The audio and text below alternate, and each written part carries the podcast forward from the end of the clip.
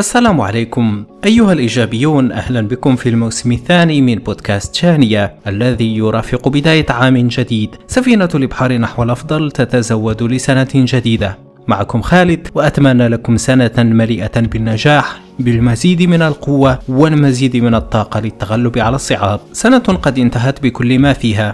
وهذه السنة هي فرصة جديدة للتعلم لبناء عادات إيجابية لتكوين المزيد من العلاقات الصحية ونعم كالعادة لتحديد أهدافنا ومحاولة الوصول إليها. الإبحار نحو الأفضل. أليس هذا ما نسعى إليه؟ لكن تذكروا أن الحماس وقود يحترق بسرعة وتبقى الإرادة وحسن التخطيط والتقييم الدوري. لذا الحلقة الأولى من هذا الموسم ستضع لك بعض النقاط التي ستساعدك على التأكد من أنك انطلقت بالشكل الصحيح وأنك ستكون مع الفئة التي ستواصل حتى النهاية. شانية الموسم الثاني الاختيارات الصحيحة لسنة رائعة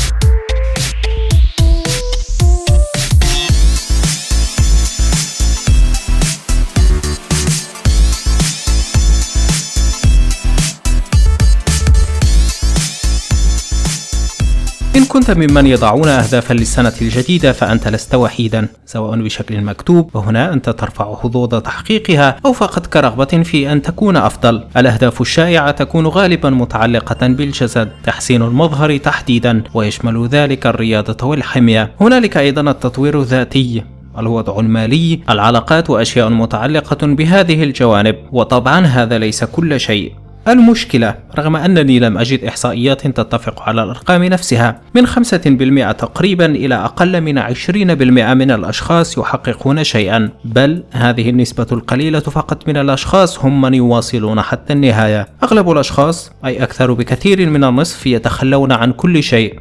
جزء منهم في بداية السنة بل أسوأ بالوصول إلى الشهر الثاني. مجددا الحماس وقود يحترق بسرعة. في تحديد الأهداف أنت تحتاج لأكثر من الرغبة. لن أتحدث في هذه الحلقة عن اكتساب العادات ولا عن تحقيق الأهداف. سبق أن خصصت أكثر من موضوع عن هذا الأمر كلها تجدها مرتبة في المقال المرافق لهذه الحلقة على الموقع. شئت أن تكون الحلقة الأولى لهذه السنة عن هذا الأمر لأدفعك على قدر الإمكان لتكون واحدا من الفئة القليلة التي ليس بالضرورة تحقق أهداف السنة الجديدة كاملة وإنما تصل حتى النهاية. لأن الاستمرارية تضمن لك أكثر من مجرد الوصول للهدف. سنجعل هذه السنة رحلة تعلم. وإن لم تحقق أهدافك فلن تفشل. ستعلم أنك ببساطة لم تصل بعد.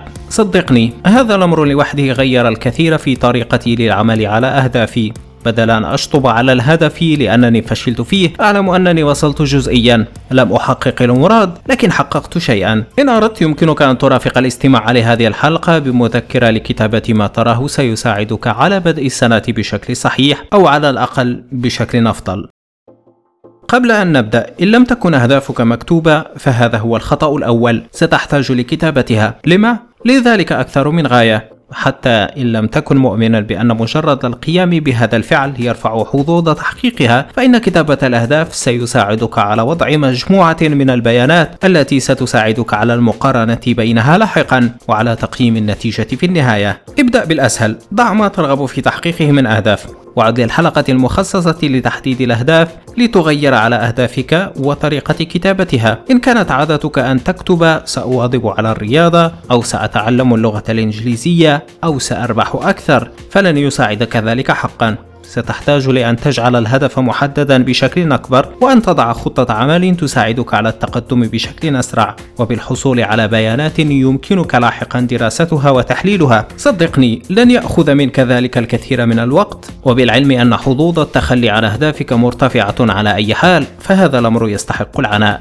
قبل أن تبدأ في العمل على أهداف السنة الجديدة هل أخذت الوقت لتقييم وضعك؟ هذا ليس بالأمر الضروري لكن وجدت أن له نفعا كبيرا في مسألتين. الأولى أن تقييم الحاله التي تعيش فيها حاليا سيساعدك على تحديد الأهداف.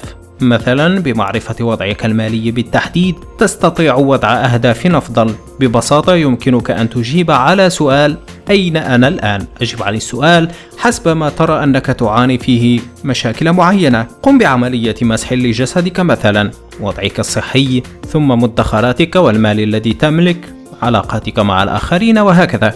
الأمر الثاني أن هذا سيسمح لك بإعطاء بعض الأهداف أولوية على حساب الأخرى.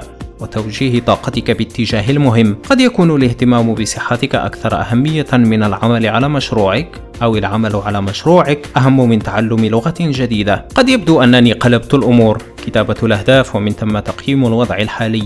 الأمر الأول أراه مهما. أما الثاني ولو أنني أعتمده شخصيا لكنه تفضيل شخصي وأمر أراه شخصيا مفيدا.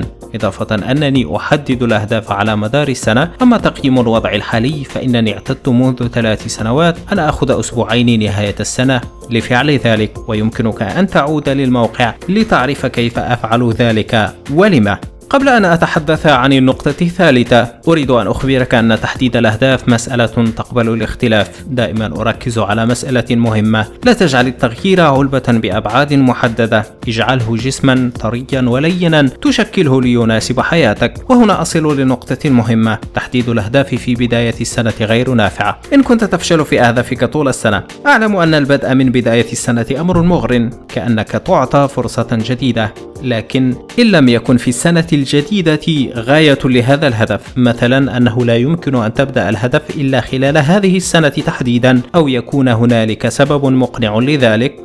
كأن تتجهز أو تحصل على موارد أو سيكون من الأسهل أن تراقب الهدف بالبدء خلال السنة الجديدة. فلا يوجد هنالك داع إطلاقا لكتابة الأهداف على بداية السنة. ذلك لن يغير شيئا. أعطيك مثالا. الأهداف المتعلقة بصحتي أعدل وأغير عليها في أي وقت لأنها مهمة ولأن لها تأثيرا كبيرا ولا تحتمل التأجيل. لكن أضع خطة قراءة للعام الجديد بعدد الكتب ونوعيتها وما إلى ذلك في بداية العام الجديد لكن أراقب كل شيء وما أقوم به كل شهر. لذا لا تجعل تحديد الأهداف مقتصرا على بداية السنة. الأهداف يجب أن ترافقك.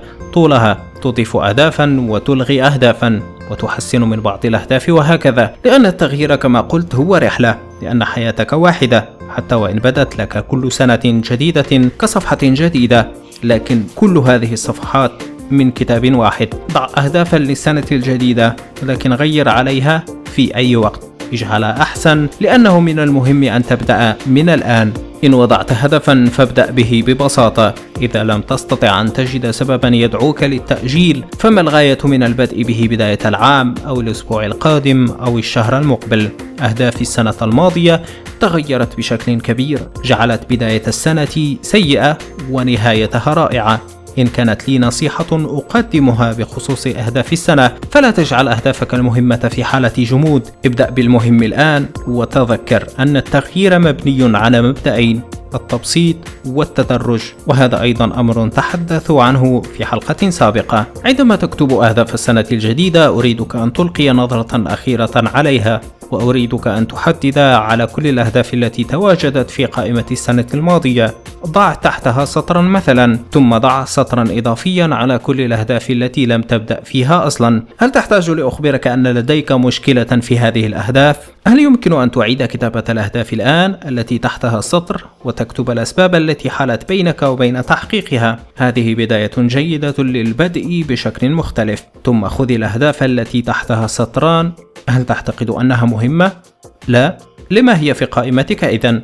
نعم ما الذي يمكنك أن تقوم به اليوم؟ أبسط شيء يمكن أن تقوم به لتقترب من تحقيقها من هنا يجب أن تبدأ ولا تخف يمكنك دائما العودة للموقع لتجهيد طريقة تحديد الأهداف بشكل أفضل. قبل أن تنتهي هذه الحلقة يجب أن تعود دائما لتراجع أهدافك. إن وضعت خطة فهذه الخطة ستحتوي. متى عليك مراجعة الهدف؟ بعضها يحتاج مراجعة دورية. كل أسبوع مثلا بعضها بشكل شهري البعض الآخر كل ثلاثة أشهر وهكذا. عندما تراجع أهدافك غير عليها. ما تكتب ليس نصا مقدسا. مراجعة الأهداف ستساعدك على معرفة ما عليك فعله بشكل مختلف. وإذا انتهت السنة ولم تحقق هدفك فستواصل على نفس الهدف. لن تكون هنالك جدوى من إعادة كتابته. سيكثر الكلام كثيرا جدا ما إن رغبنا في الحديث عن تحديد الأهداف. لكن إن استطعت أن تبدأ هذه السنة بشكل مختلف فلن تغير سنة وحسب وإنما ستغير حياتك لأنك ستعمل بشكل مختلف بالكامل. وحتى إن أحبطك ما قمت به العام الماضي فدعني أخبرك أن الخبرة والتعلم نتاج للسيء والجيد معا وأنك لا تبدأ من الصفر إلا إن بدأت بنفس الشكل. هذه السنة أنا أقوى أنا أفضل أنا أحسن. التغيير الذي أريد أبدأه الآن. أنا لا أفشل أبدا أنا أتعلم أنا أكتسب ما أحتاج من خبرة أنا أسعى دائما لأكون أفضل أنا أندم لكن أندم بذكاء فأعمل على كل شيء كاد أن ينهار أحسن ثم أقيم أبني ثم أراجع أتوقف لأستريح وأتراجع لأقفز أعمل بجد لكن لا أحرق مواردي وعندما أتعب أعلم أن في الراحة طاقة. لا أنسى أن أكون إيجابيا لكن أعلم أنه من الطبيعي أن أيأس أحبط وأحزن وهذا يجعلني أتعرف على نقاط ضعفي وعلى ما أحتاج لأسير قدما. والأهم أعلم أنه في أي عمر كنت في أي ظرف كنت لدي دائما خياران الإبحار نحو الأفضل أو الاستسلام للوضع الراهن. أنا وأنتم في رحلة إبحار نحو الأفضل لقد اخترت أن ترافقني في هذه الحلقة حتى النهاية. فشكرا لك وأهلا بك على ظهر شانية. سفينة التغيير. يمكنك أن تزورني على الموقع الشانية دوت كوم أو على حسابات الشبكة على فيسبوك وتويتر. الشانية. أو تراسلني مباشرة على contact الشانية دوت كوم. سفينتنا تتوقف هذا الأسبوع لتتزود لرحلة جديدة. خالد يحييكم من هنا في أي مكان كنتم على هذا الكوكب. إبحارا ممتعا. أدعكم في أمان الله.